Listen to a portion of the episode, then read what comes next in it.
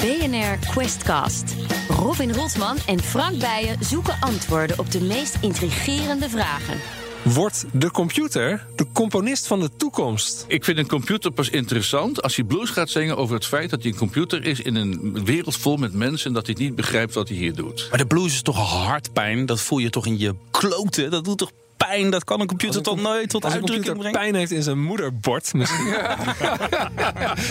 Ja, vandaag gaan we praten over kunstmatige intelligentie en muziek en creativiteit. Computers waren al in staat om een nieuw Beatles liedje te schrijven en om een nieuw stuk van Bach te componeren. Maar met de opmars van kunstmatige intelligentie vragen wij ons af: worden computers creatief genoeg om onze componisten te overtreffen? Zijn ze binnenkort creatiever dan wij zelf? Zijn ze de computers de Beatles van de toekomst? Dat bespreken we vandaag met twee hele fijne computerwetenschappers. Ja, de ene is eh, de Paul McCartney van de zelflerende systemen. Pieter Adriaans van de Universiteit van Amsterdam. Hij is daarnaast ook kunstenaar en muzikant. En de andere is de John Lennon van de kunstmatige creativiteit. Maarten Lamers van de Universiteit Leiden. Ja. Welkom. En Frank, eigenlijk ben jij dan eigenlijk de Mick Jagger van de journalistiek. Want jij schrijft natuurlijk ook verhalen voor de Quest. En jij bent al gedoken in de wereld van de creatieve algoritmes. Vertel eens eventjes, wat, wat ben je allemaal tegengekomen? Ja, ik was laatst in, eh, in Londen eh, voor een bijzonder concert in eh Cadogan Hall. Allemaal prachtig. Eh, het werd een beetje aangekondigd als ja, het definitieve einde van de onvoltooide symfonie van Schubert. Schubert die heeft bijna 200 jaar geleden een inmiddels heel beroemde symfonie geschreven. Daar heeft hij maar twee delen van gemaakt en het beginnetje van het derde deel. Terwijl symfonieën in die tijd altijd uit vier delen bestonden. In de tussentijd is hij wat anders gaan doen en zes jaar later ging hij dood. Maar die symfonie die is heel vaak opgevoerd. En nu opnieuw, alleen dan met een nieuw einde eraan. Die twee laatste delen die zijn gecomponeerd met hulp van kunstmatige intelligentie. En dit, dit is deel 1, dat kennen we allemaal.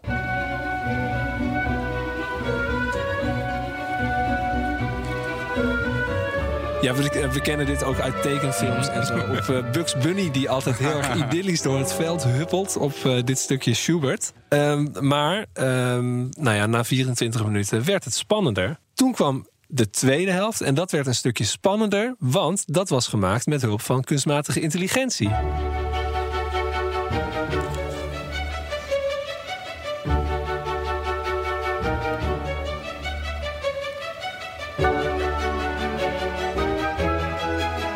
ja, volgens mij past het wel, Frank, of niet? Ja, het klinkt hartstikke mooi. Eh, ik weet trouwens niet, Maarten en Pieter, zijn jullie klassieke, lief, ehm, klassieke muziekliefhebbers? Herkenden jullie dit eh, stukje als Schubert-achtig? Mm, Ja, toch wel, denk ik. Ja, ja. Ik, ik weet niet of ik het, eh, als, je het, als je het zonder de context had laten horen, of ik het dan nog als Schubert herkend had. Maar ik bedoel, het past goed. Het past prima, hè? Ja. Is dat knap? Ehm, ik vind het sowieso wel knap, ja. Ik weet niet of ik het nou super interessant vind, maar ik vind het al, überhaupt knap dat men eh, ja, dit voor elkaar krijgt. Het Maar goed, hier komt de aap een beetje uit de mouw. Want eh, eh, deze hele show werd een beetje neergezet als eh, het antwoord van de kunstmatige intelligentie op de klassieke muziek.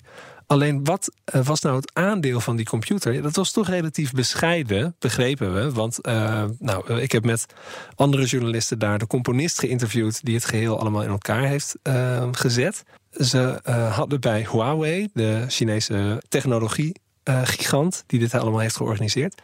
Daar hadden ze allemaal stukjes eh, Schubert, melodielijnen van. die man heeft ongelooflijk veel werk geschreven. Hadden ze in de mobiele telefoon gepropt. Die deden er allemaal berekeningen mee. Eh, en daar kwamen nieuwe stukjes melodielijn uit. Alleen was er nog wel een, ehm, een klassieke eh, componist nodig. En dat was Lucas Cantor, een Amerikaan die heel veel filmmuziek schrijft. En hij heeft daar een compleet einde van de symfonie van gemaakt. En hij heeft eh, die hele, het hele arrangement heeft hij zelf moeten schrijven. Dus uiteindelijk, ehm, hij omschreef de mobiele telefoon als een muzikant waarmee hij kon samenwerken. Een muzikant die nooit moe werd.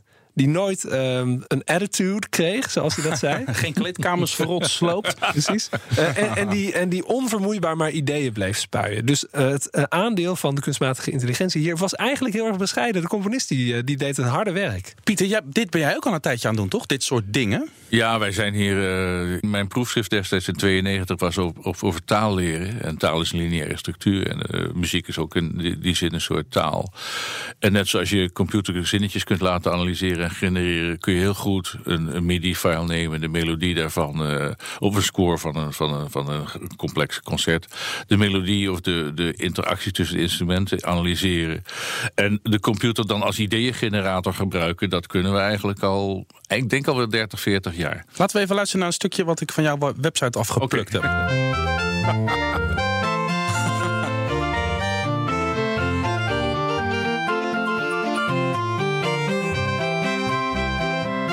klinkt een beetje ook als Bach per computer. Hoor. Ja, waar zitten we naar te luisteren? Nou, waar zitten we naar te luisteren is wel heel grappig. Kijk, we hadden een patent in de negentiger jaren op, op het. Uh, en we konden dit online doen. Dus ik kon het ook met mijn gitaar interacteren. We hebben daar wel concerten mee gegeven. Dat was Filippo over algemeen technisch rampzalig, maar een ander verhaal. Maar wat je hier hoort is. Uh, wat we konden doen, is we konden de, uh, probeerden overal harmonische structuur van muziek te leren. En we proberen dus ideetjes voor melodielijnen te, te leren. En die kon je dan combineren. En je hoort hier een stuk van Orlando Di Lasso, een uh, renaissance componist. Dat is de muzikale structuur. En daar overheen hoor je de grammatica van de Brandenburgse concert. Ah. En uh, dan krijg je dit, dit soort mengmuziek. Ja. Wat vind je ervan, Maarten?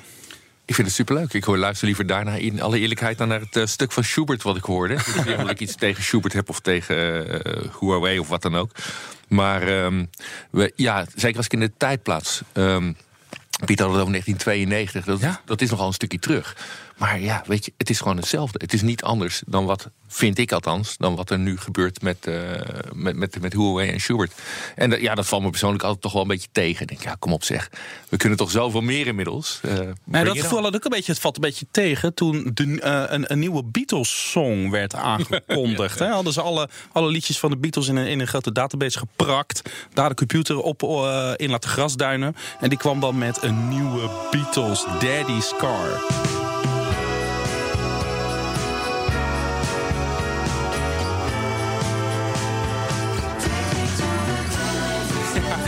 Ik zie jou een denkbeeldig pistool naar je voorhoofd richten. Zo van, wat is dit, uh, Maarten? Hoe zou het, uh, vind je niet mooi? Um, nou, of ik het mooi vind, vind ik op zich niet heel interessant. Maar um, ja, weet je, ik vind het... Ik ben, ik ben een informaticus, dus die muziek kan me eigenlijk niet heel veel schelen. Maar ik vind het project vind ik leuker om naar te kijken. Om, uh, om te zien, weet je, wat betekent het project nou eigenlijk? En daar heb ik wel wat kanttekeningen bij. De eerste is dat, um, weet je, het werd net al genoemd bij Schubert. Dat was grotendeels mensenwerk, dat project van Huawei. En datzelfde geldt hier. Wat we horen is eigenlijk gewoon... de arrangementen zijn door een mens gemaakt. Door uh, Benot Carré, om precies te zijn. Uh, de, de, de software die door Sony CSL Labs gemaakt is... die de melodielijn uitzet, dat is software, weet je. Maar dat, wat, waar, waar we eigenlijk naar luisteren is veel meer dan alleen die melodielijn. Die hele Beatles-achtige interpretatie die komt gewoon uit het hoofd van Benoit in mijn ogen, in mijn optiek. Het tweede probleem, en dat vind ik eigenlijk een meer fundamenteel probleem, is het is grappig dat het een stukje van de Beatles is. Want aan het begin van de uitzending, of in het mhm. begin van de podcast, zei jij, uh, Robin, jij zei van, weet je, uh, gaan computers componisten overtreffen? En je zei zelfs letterlijk, worden ze de Beatles van de toekomst? Ja, ja dat is nou- een beetje de, waar ik nieuwsgierig naar Nou ja, En, en daar heb graag, weet je, bring it on. Geef me die Beatles van de toekomst. Maar al die projecten, of het nou Schubert is of, of de Beatles of whatever die reproduceren iets wat we al hebben, iets wat we al kennen. En um, natuurlijk, dat is veel makkelijker dan een computer echt nieuwe dingen laten verzinnen. Maar als jij zegt, als jij het hebt over de Beatles van de toekomst, dan wil je niet dat er een bandje, bedoel je niet dat er een bandje opstaat die precies de Beatles gaat nadoen. Daar hebben we geen interesse in. Je bedoelt iemand die iets anders, iets vernieuwends gaat coverbands, die hebben we ook eh, van vlees en bloed. Ja, en, en, en al die projecten tot nu toe, of allemaal is misschien, dat kan ik natuurlijk niet beoordelen, maar voor mijn gevoel, alles wat ik zie, en zeker degene die high profile zijn, eigenlijk wat die doen is, die reproduceren eh, ja, een concept wat we al kennen. Of nou Beatles muziek is, of Schubert muziek, of iets anders. Weet je, of, of ook, ook in de schilderkunst zie je dat ook. Uh, Mm sommige van die. De Next Rembrandt is zo'n project hè, waarin ze dus een nieuwe Rembrandt gingen maken. hè, eh, met alle materiaal die ze van Rembrandt eh, hebben verzameld. En dan een nieuwe Rembrandt. Maar Pieter, toen jij in de jaren negentig hiermee bezig ging, had jij toen het idee, of misschien nu nog steeds, dat de nieuwe Beatles in een doosje zouden kunnen zitten? Nou, wij, wij hebben dat gepatenteerd met het idee dat we dus heel rijk zouden worden met oneindige rechtenvrije liftmuziek. Maar dat Nou ja, je, is je, nooit echt gelukt. Maar, je woont eh, op de Azoren, dus misschien is, is het gelukt? Of? Eh, nou, nou ik, zeg, ik, ik- zeg wel eens, ik ben iemand van eh, 12 ambachten, 10 ongelukken. Dus het, de 1 op de 5 lukt net. Maar nee, de muziek is daar niet, is, heeft, heeft dat financieel niet mogelijk gemaakt. Ah. waren, waren wel data mining algoritmen overigens. Maar ehm, nee, de hele punt is. Er zijn, zijn een aantal dingen die je over kunt zeggen. Ten eerste, eh, eh, er is wat onderzoek gedaan. Er gaat, die algoritmen die we gebruiken, die veranderen niet zo snel. Er gaat te gemiddeld 18 jaar eh, duurt het tussen het ontdekken van een algoritme en, en het doorbreken daarvan in commerciële zin. Dus wat we nu horen is allemaal niet zo heel nieuw. Vaak zijn die algoritmen al heel lang bekend. Er is een AI-hype, dus allerlei bedrijven willen ineens het eerste zijn om dit of dat te doen. En dan denk ik vaak, ja, goh, dat konden we 30 jaar of 20 jaar geleden ook al wel. Ehm, ik denk dat eh, mijn, mijn eh, statement is altijd: computers zijn hele goede kunstvervalsers. Het is een soort eh, vervalsing. Er is niks mis mee.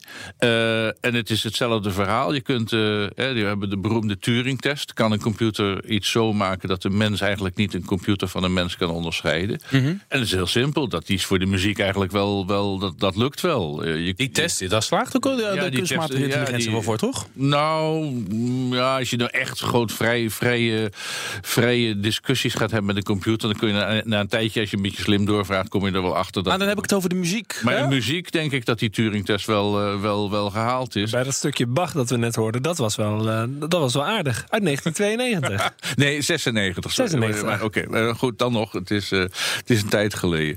Maar, maar ze zijn dus goede kunstvervalsers. En ja, dat, dat levert allerlei interessante filosofische vragen op. Maar ik denk dat. Eh, kijk, ik ben zelf 60 of 63. Ik hoor mijn hele leven al. eh, wanneer komen de nieuwe Beatles? Dat komt natuurlijk nooit meer. De, de echte disruptieve. Eh, creatieve uitbarsting eh, die je nodig hebt om, om de, de fascinatie van de mensen te, te pakken, die vind je, die, de- dat, dat zal een computer niet zo gauw doen. Frank, ben jij een beetje overtuigd? Tot Nou ja, nu toe dan, hè? Klinkt tot nu toe eh, een beetje heel erg teleurstellend. Teleurstellend, hè? Ja, nou, ik ben helemaal naar Dat had ik zelf ook trouwens. Ik zat in het vliegtuig naar Londen met een hele groep journalisten en nog een heleboel eh, influencers erbij en zo. Jij bent toch ook een influencer? Nou, dat, eh, dat hoor je mij niet zeggen, Robin. Ehm, eh, en heel veel van die eh, mensen die, die waren ook best wel teleurgesteld, eerlijk gezegd. Die, die kwamen uit het gesprek met Lucas Cantor. En die zeiden: Nou, wat is dit nou? Dit wordt ons verkocht als een soort van AI-droom. En het valt ontzettend tegen. Ja, ik, ik had me ietsje meer ingelezen, denk ik. En ik was niet zo teleurgesteld op het moment zelf in Londen. Maar ehm, je moet dingen natuurlijk niet gaan overcellen. En dat is hier wel een beetje gebeurd. Ja, het is een commercieel prijs. Tijd voor de stellingen. Ja, ik eh, leg jullie eh, drie stellingen voor, Pieter en Maarten. Eh, je bent het daarmee eens of oneens. En nuanceren mag, achteraf. Stelling 1. Computers kunnen misschien prima componeren, maar ze kunnen nooit de blues hebben. Eens of oneens? Pieter? Eens. Oneens. Eh, De mens overschat zichzelf als het gaat over creativiteit. Eens of oneens? Oneens. Ook oneens. En eh, deze hebben we dankzij Stephen Hawking. Eh, de ontwikkeling van kunstmatige intelligentie, zei hij, kan het einde van de mensheid betekenen. Eens of oneens? Oneens. Ik ben het er ook mee oneens, ja. Oké, dan hebben we het alleen over de blues. Computers kunnen misschien prima componeren, maar ze kunnen nooit de blues hebben. Ehm, jullie zijn het daar niet helemaal over eens hoe dat zit. Kunnen computers de blues hebben, oftewel kunnen ze die emotie voelen? Eh, Maarten? Ja, ik, ik zie daar vooralsnog geen probleem in. Weet je, ik zou niet weten waarom. Als ik het kan, dan kan die machine het toch ook, lijkt me. En niet zozeer dat ik een machine ben.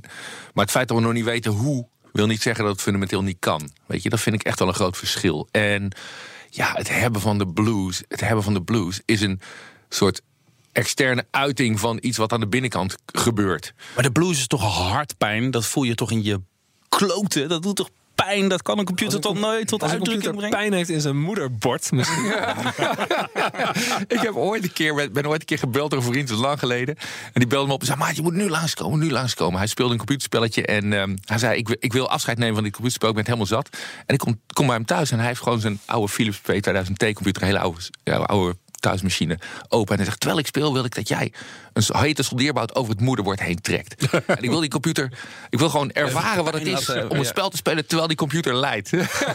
dat is een beetje waar je het nu over hebt, inderdaad. Pieter, jullie, wat, wat vond jij ervan?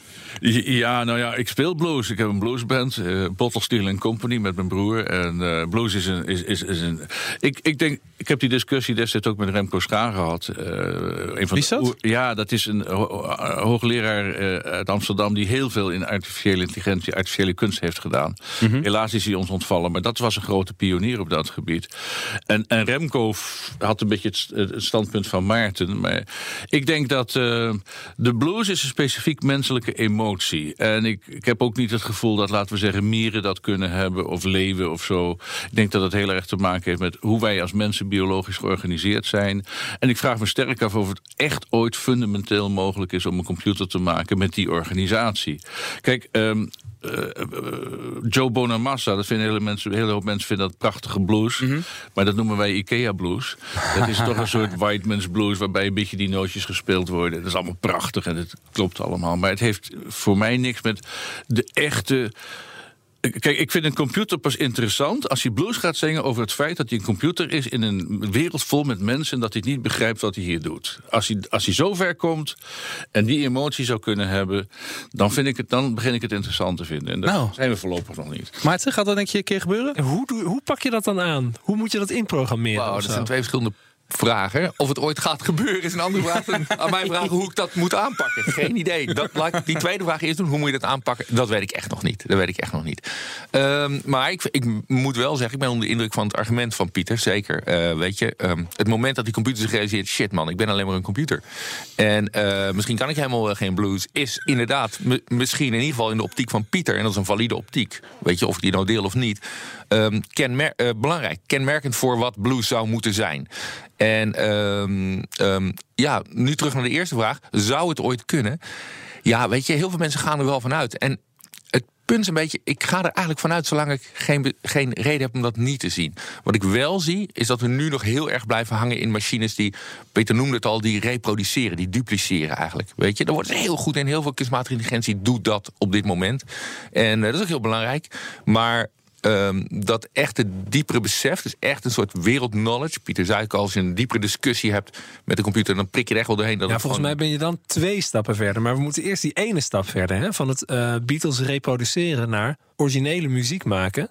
Zijn daar, ja. zijn daar al goede initiatieven mee? Nou, ten eerste weet ik niet of je dan eerst de Beatles moet reproduceren voordat je goede muziek kan maken. Ik denk dat de domste weg is om te gaan. Ik denk je beter meteen goede muziek kan maken en die Beatles aan de zijkant kan zetten. Um, nou, dat valt dus heel erg tegen. Hoeveel projecten er zijn die echt vernieuwend, waar, waarbij de computer echt tot vernieuwende dingen komt. En het probleem daarbij is een beetje dat wil een computer iets maken, dan wil je eigenlijk, en Douglas Hofstadter zei het al, die moet een, een, een concept in zijn gedachten hebben. Die moet concepten, dus ideeën van wat iets is, in zijn geheugen kunnen hebben. En um, nou wil het toeval dat machine learning, zeg maar de nieuwe hype van AI, juist daarover gaat. Het opbouwen van concepten. Dus je mm -hmm. laat de computer heel veel dingen zien, eigenlijk, observaties. En dan bouwt hij daar intern een concept van op. En uh, dan zou je denken, dat is super, dat is fantastisch. Want als hij dat concept heeft, dan kan hij daarmee spelen. Het probleem is echter, hij vormt dat concept op hetgeen je laat zien. Dus als je vernieuwende muziek wil laten maken, moet je hem de muziek van de toekomst laten zien. Op dit nou. moment, deze methodiek werkt daar dus nog niet voor. Er is één project wat ik zelf spannend vind. En uh, omdat het net wel probeert dat concept wat in een computer zit echt te misbruiken. En dat is Google's Deep Dream. En het is niet, weet je, het is heel erg gehyped omdat het vooral mooie beelden oplevert. Dat vind ik niet zo heel spannend. Maar wat het eigenlijk doet is, ze, als voorbeeld, je leert een computer wat een, hoe een hond eruit ziet. Honden herkennen. Nou, dat kan een computer inmiddels heel goed. En um, denk je ook helemaal, moet ik daar nou mee? Maar uh, wat ze vervolgens doen, dan geven ze hem een foto van een kwal. En ze zeggen, ga deze kwal nou eens veranderen totdat jij vindt dat er honden in zitten. En wat je dan doet, is dan ga je dat concept van een hond... ga je eigenlijk buiten het concept van een hond trekken. Namelijk richting het concept van een kwal. En uh, dan krijg je een soort kwalhonden. Dat, en feitelijk is dat, vind ik al sowieso wel interessant. Zou ik wel willen hebben. Maar dat... Uh, ja, weet je, dat, dat is een nieuw concept. Want die kennen kwalhonden. En... Kijk, en, en daar... Het is trouwens ook een bekende truc om uh, me, uh, creativiteit bij de mens aan te wakkeren. Twee totaal niet uh, ja. bij elkaar horende dingen aan elkaar koppelen. En koppel die soort, aan elkaar, precies. force to ja. fit. En dan kijken, kun je een weg bedenken. En dat is om creativiteit te... Ja, maar dat soort spannende dingen gebeuren eigenlijk in computeralgoritmiek nog heel weinig. In computergeleerde dingen. Dus maar Deep Dream van Google is daar wel in ieder geval een eerste stap toe, vind ik. Ik zeg je heel instemmend knikken, Pieter. Is ja, dit iets waar vind, je blij ik vind van Deep Dream ook een van de, van de dingen waar ik wel, wel blij van word. Te, omdat het levert fantastische beelden op. En het is ook uh, het is een hardware doorbraak. We kunnen die, die neurale netwerken nu beter doorrekenen. Wat is nu het uh, hardware of software verschil? Uh, ja, wat is de ontwikkeling die we de laatste de laatste tien jaar echt hebben we gemaakt. We hebben nieuwe chips gevonden. Je kunt die, die, die neurale netwerken heel makkelijk in een, in een soort wiskundige structuur brengen. die we nu heel goed kunnen doorrekenen. Dat zijn de resultaten uit de natuurkunde eigenlijk. Eerst waren die neurale netwerken die we echt al 40, 50 jaar kennen. Het, het, het leuke is, het is een biologisch concept. Het, ons brein werkt ongeveer zo waarschijnlijk. Dat is het spannende.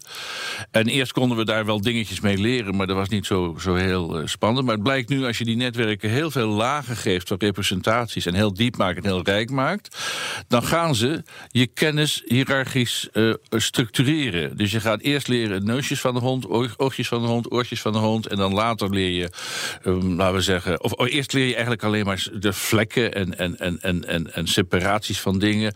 En op een gegeven moment komen er stukjes hond tevoorschijn, en aan het eind heb je een concept hond, wat los staat van of die nou van boven, van onder of van links, van rechts gezien wordt. Ja. Dus, dus uh, we, zijn, we zijn een stukje dieper in de biologische begrijpen van hoe AI werkt en hoe we zelf werken. Nou, als ik het uh, weer naar klassieke muziek mag trekken, um, zoals ik het heb begrepen, is het zo dat in de jaren negentig had je die Bach-machines, maar daarbij uh, werden wel 100 regels of 300 regels ingevoerd door programmeurs. Um, en die hebben daar, uh, dat elke keer gewoon uitgeprobeerd. Lijkt dit al op Bach? Mm-hmm. En dan leek het op Bach. En wat er nu gebeurt met die kunstmatige intelligentie is dat het systeem, als het goed is, helemaal zelflerend is. Dus uh, dat krijgt een heleboel voorbeelden te horen en gaat zelf die regels inprogrammeren. Dus de computer leert het zelf. Is, uh, leg ik het zo uh, goed uit? Nou, dat is inderdaad wel zo. Je legt het goed uit, maar daar zit ook meteen het probleem in. Weet je, want als je het laat leren, ik zei het net al, dan kan het alleen maar op, op basis van voorbeelden die al bestaan. Op basis van Bach-muziek die we al hebben. Op basis van Beatle-muziek die we al hebben. Op basis van schilderijen die we al kennen. Van Rembrandt bijvoorbeeld, of whatever. En het probleem daarbij is, ja, weet je, wat leer je die computer nou? Je leert hem wat Rembrandt is. En als je hem vervolgens... Wil ik toch even, daar wil ik toch even wat van zeggen. Want ik, ik, ik, ik geef cursussen creativiteit. En ik denk je bent net terug uit Panama, begrepen Ja, ik hè? heb het in de jungle mogen doen. In Mammooni Valley in Panama. Maar um, ik, ik denk dat het grote probleem niet zo is... Want ik heb een definitie van creativiteit als wetenschapper. Daar verdien ik geld mee met die definitie. De, als, als wetenschapper geld verdienen, ja, dat verbaast ja. me nog het meest eigenlijk. Creativity is de, de, de goal-oriented organization of randomness. Dus je hebt een doel, erg op genetisch algoritme lijkt. Nog een keer, de goal... goal doelgerichte organisatie van het toeval in het Nederlands. Oké. Okay. En uh, dat is een hele mooie definitie, daar kan ik heel veel van vertellen. Maar dat kan een computer wel. Een computer kan in een genetisch algoritme zeg maar een random, random ruimte uh, verkennen, een willekeurige ruimte, en daar nieuwe ideeën combineren, zolang je hem vertelt wat goed is. En dat is het criterium. Want het criterium bij kunst, wat je vertelt wat goed is, dat zo weinig altijd. We kunnen onszelf niet zo goed modelleren. Maar okay. heel kort ja, graag dan. Want ik ben het klopt helemaal wat Pieter zegt, daar ben ik helemaal mee eens. En um, die genetische algoritmen, dat zijn eigenlijk conceptverandermachines. Alleen welke richting, die orientation waar Pieter het over had, ja, dat kunnen we op dit moment alleen nog maar als mens bepalen. Dat is inderdaad het hele probleem. In de jaren 90 had je heel veel interactive evolutionary algorithms, dus mm-hmm. genetische algoritme, AI, waar de mensheid, dit vind ik wel mooi, dit vind ik niet mooi. Mm-hmm. Ja, of die nou echt creatief zijn, is dan nog maar de vraag. Daar gaan we straks op door. Eerst heeft Frank weer zitten spitten. In de 18e eeuw bestond al geautomatiseerde muziek. Dat heette het musikalisches Würfelspiel, het muzikale dobbelspel. Je had bladmuziek waarin bepaalde stukjes werden opengelaten. Dan ging je dobbelen en zo bepaalde je welke noot daar kwam. Een paar keer dobbelen en je hebt een willekeurig gemaakt stukje melodie. Randomness. Hier komt jouw theorie over creativiteit weer een beetje tevoorschijn, toch? Alleen een beetje primitief. Nou, kijk, ja, nou, als ik mijn cursus geef, laat ik het managers een half uur met een dobbelsteen werpen. En dan, dan laat ik ze een, een wandeling op een vlak maken. Het heet technisch een brownie emotion. En dan laat ik ze zien hoe irritant dat is. Randomness is echt heel als informaticus zou je dat, zou daar college over moeten geven. Maar een willekeurig stukje informatie is ontzettend veel waard. Dat beseffen mensen niet, want we hebben overal randomness om ons heen. En dus eh, algoritmen die dat kunnen, die, die zijn ook echt heel rijk in wat ze kunnen vinden. Dus op het moment dat je, dat je een, een, een, een functie zou kunnen hebben, het zij een mens, het zij iemand anders, die beoordeelt of ik dit mooi vind of dat dat mij emotioneel raakt, dan ben je al heel veel verder. Die randomness, die zit dus ook in dat muzikalische worvelspel. Creativiteit is in essentie onzekerheid. Als je zeker bent over wat eruit komt, is het geen creativiteit, want dan was het er al. Dus essentie van creativiteit, ook als kunstenaar heb ik dat zo. Je moet je uitleveren aan het onzekere en het vertrouwen hebben dat er wat uitkomt. Ja, dat is het proef. Die, die, emoties en die capaciteiten bij een computer aanbrengen, dat is nog een, een stapje eh, ver. Dus wat je zegt is, op het moment dat je gaat dobbelen... en je gaat na al die dobbelworpen ga je beoordelen als luisteraar... oh, dit is een hele mooie dobbelworp. Ja. Als je die twee dingen combineert... dan heb je dan heel goed zelflerend muzieksysteem. dan ben je met creativiteit bezig. Goed, terug naar eh, Frank Spitwerk. Eh, die kwam ook op David Bowie uit. Eh, die heeft zijn eh, computer ook ingezet eh, voor inspiratie. Hoe zat dat, eh. Frank? Ja, maar dan op het gebied van eh, tekst. Zijn album Outside uit 1995 heeft hij deels gesche- geschreven... met hulp van een computerprogramma. Dat programma had hij zelf bedacht, samen met een vriend in San Francisco... En het heette Verbicizer. Je stopte er zinnen in, het programma knipte die op en husselde ze door elkaar. En Bowie deed zijn inspiratie normaal op andere manieren op. Maar, zei hij, deze machine bespaart me het gedoe van apen stoned worden. Ja, dit is ook dobbelen, maar dan eh, met een computer die dus random zinnetjes kennelijk eh, Het, maakt. het is een beetje als André Hazes die in het rijmwoordenboek zit te bladeren... en dan bestaat een dobbelsteen erbij te pakken. Dat is, eh zo ja, komt het op mij over. Eh, nou ja, kijk, punt 1. Waar bestaat die creativiteit uit? Die bestaat uit, je, je gaat op een of andere manier ga je input, je, je zin, zintuigen verwarren. Het zij de randomness, het zij de opium te nemen of flink veel te drinken, wat de en 19e eeuw de dichters deden. Dan ontstaat er chaos. En dat is een hele rijke structuur. Ik zou er heel veel over kunnen vertellen. En in ons brein zit een, zit een, een, betekenismachine. Die gaat denken, hé, hey, dat is interessant. Je hoeft maar, wij zijn zo eager om betekenis te zien in dingen. Je hoeft maar naar een wolk te kijken. Je ziet een gezicht of een hondje of weet ik het wat. Dus du moment dat we met dit soort rijke random structuren geconfronteerd worden... dan gaat die creatieve machine in ons brein werken. En die maakt daar dingen van. Het hoeft niet altijd kunst te zijn.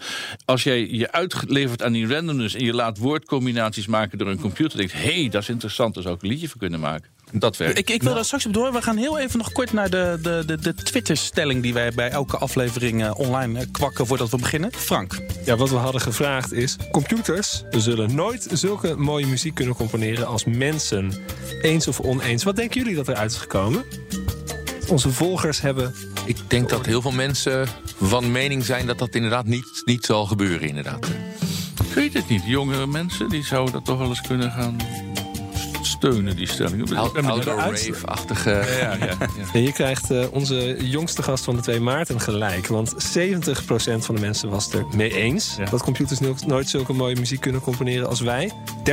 30% oneens. We hadden 107 stemmers. Oké. Terug naar die, naar die creativiteit. Hè? Ehm, eh, um, um, iets, wat je net zei, wat volgens mij belangrijk is, is dat de mens zelf kan beoordelen of, of het creatief is. Hè? Ja. Dus die, die geeft eh, zeg maar waarde aan die randomness.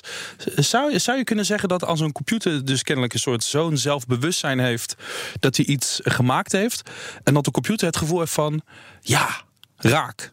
Hè, wat, wat dat vol- volgens mij hebben veel kunstenaars en muzikanten en creatieve mensen dat, of ook in de, in de reclame, die weten: dit is goed, dit is raak. Dat voel je in je hele lijf, dat enthousiasme. Kan een computer dat ook krijgen? Nou, weet je, in mijn optiek wel. En ehm, een van de redenen waarom ik dat denk, is eigenlijk precies hoe, hoe Pieter het net phrase, hoe Pieter het verwoordde en hoe jij het verwoordt. Jij hebt het over of iets mooi is, terwijl Pieter zei of iets betekenis heeft. En eh, dat lijkt bij heel verschillende dingen. Want ik leg ze nu ook op tafel als twee verschillende dingen. Maar ehm, die zijn volgens mij helemaal niet zo verschillend. Weet je, Ehm, om, wij vinden iets mooi als het voor ons betekenis heeft. Zo zitten wij mensen in elkaar. En dat is een heel interessante ding om je te realiseren. Want mooiheid als je dat gelijk stelt aan betekenis hebben, dan betekent dat de computer dus ook dingen mooi zou kunnen gaan vinden. Dat is gaaf, weet je. Dan kan die dus ook dingen niet mooi gaan vinden en de blues gaan krijgen. Dan kan hij ook dingen zelf gaan bedenken van, hij denkt, nou, dat is mooi. Dat heb ik nog nooit gezien, maar dat vind ik wel mooi. En, ehm, ehm, maar dat betekent dus dat je betekenis in die computer moet kunnen krijgen. Die computer moet iets kunnen waarnemen, iets kunnen iets hebben voor zich en kunnen zeggen: ja, dat heeft voor mij betekenis. En daar zie ik eigenlijk geen probleem in. Want ehm, kijk, het ligt een beetje aan mensen zeggen: ja, betekenis, daar moet je bewustzijn voor hebben en dan moet het. eh, consequenties voor je kunnen hebben, wat je ziet en zo. Nou, dat is één interpretatie. Maar ik denk dat je al vrij snel een machine kunt maken. voor welke in ieder geval een soort gesimuleerde betekenis inter- geïnternaliseerd in die computer is. En als je dat hebt, kan die computer in ieder geval zeggen van ik vind het mooi of niet. Of je daar als mens waarde aan hecht, weet ik niet. Maar in mijn optiek is dat voldoende om die machine in ieder geval verder te laten gaan dan het reproduceren van dingen. Want dan kan hij zelf zeggen: Ja, nu heb ik iets geprobeerd. Op basis van randomness, zoals Pieter al oppert. En daar ben ik helemaal met hem eens. Maar dan moet je nog wel kunnen zeggen: Is het nou mooi? Heeft het betekenis? En als die computer zegt: Ja, dat heeft eigenlijk wel betekenis. Dat eh, neemt Chef Watson, die computer die, eh, van IBM. Die, eh, dat, is- dat is de Watson-computer, die ooit Jeopardy won. En daar hebben ze iets heel gaafs mee gedaan. Vind ik sowieso creatief. Is ze hebben hem recepten laten bedenken. Dus een, sterker nog, je kunt op Amazon een kookboek van hem bestellen, kwam ik gisteren achter. Dus mochten mijn vrienden dit, eh, deze podcast luisteren. Ik ben 28 januari jarig. Twee weken geleden. en dan wil ik graag dat kookboek van Chef Watson. Staat genoteerd. Ja, Dankjewel. maar wat, wat, wat ik er leuk aan vind, is dat. Wat ze, niet- ze hebben die machine gewoon heel veel eh, recepten laten zien. En die zijn natuurlijk heel makkelijk op internet scrapen. En dan heeft hij gewoon combinaties. Hé, hey, dit komt vaak met dat voor en zo. Dat is eigenlijk de klassieke approach die we heel veel zien in alles. Die is niet zo interessant. Maar ze hebben hem ook eh, eh, extra informatie gegeven die wij mensen, die eigenlijk niet in die recepten staat. Namelijk welke smaken doen wat met elkaar. Weet je, Mhm. welke smaak beïnvloedt welke andere smaak. En daarmee geef je eigenlijk.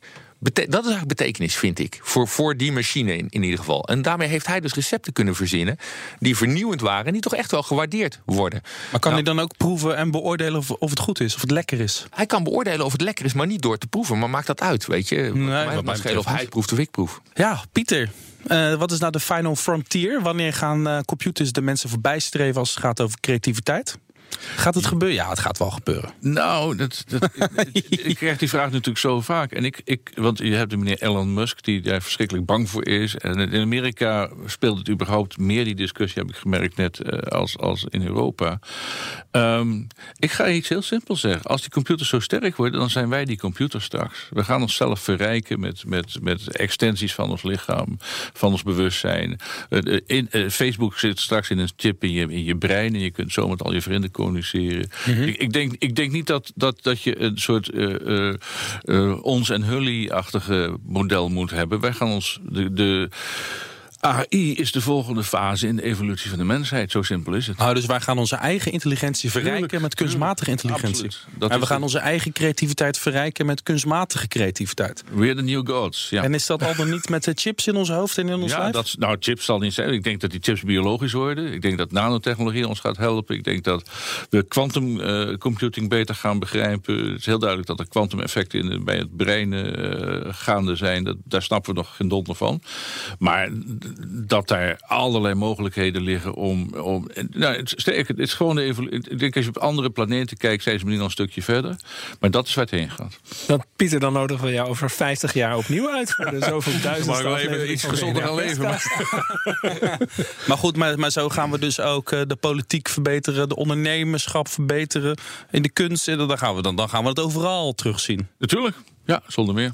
Goed, Robin. Dus, nu weten we het. De componisten van de toekomst, dat zijn niet de computers. Maar de nieuwe Schubert of de nieuwe Paul McCartney, dat zijn wij gewoon zelf. Alleen hebben we een stukje computer dat ons nog helpt om nog mooiere muziek te maken. Ja, ik kan daar wel, ik kan er wel mee leven. Jij ook? Ja, ik absoluut ook. En zeker omdat, eh, omdat ik in het begin van de aflevering als Paul McCartney werd weggezet. Als niet... Of was het John Lennon? Oh nee, shit. Jij bent John Lennon.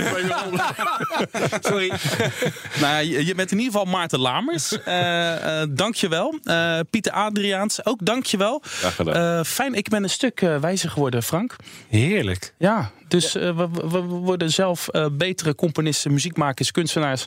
met dank aan de computer en we gaan niet concurreren. Dat vind ik een geruststellende gedachte. Vrijheid, gelijkheid en broederschap met de computer. Ik heb helemaal zin in de toekomst. En die toekomst die begint over twee weken al. Want dan is er een nieuwe BNR Questcast. Uh, luister ondertussen ook alle andere afleveringen terug. Je kan deze nog een keer luisteren via iTunes, Spotify, quest.nl, bnr.nl. We hebben nog een mooie uitzending gemaakt over monogamie. Uh, sleutelen aan het DNA. Uh, de vraag, moeten we naar Mars willen? Luister die podcast. Tot de volgende keer.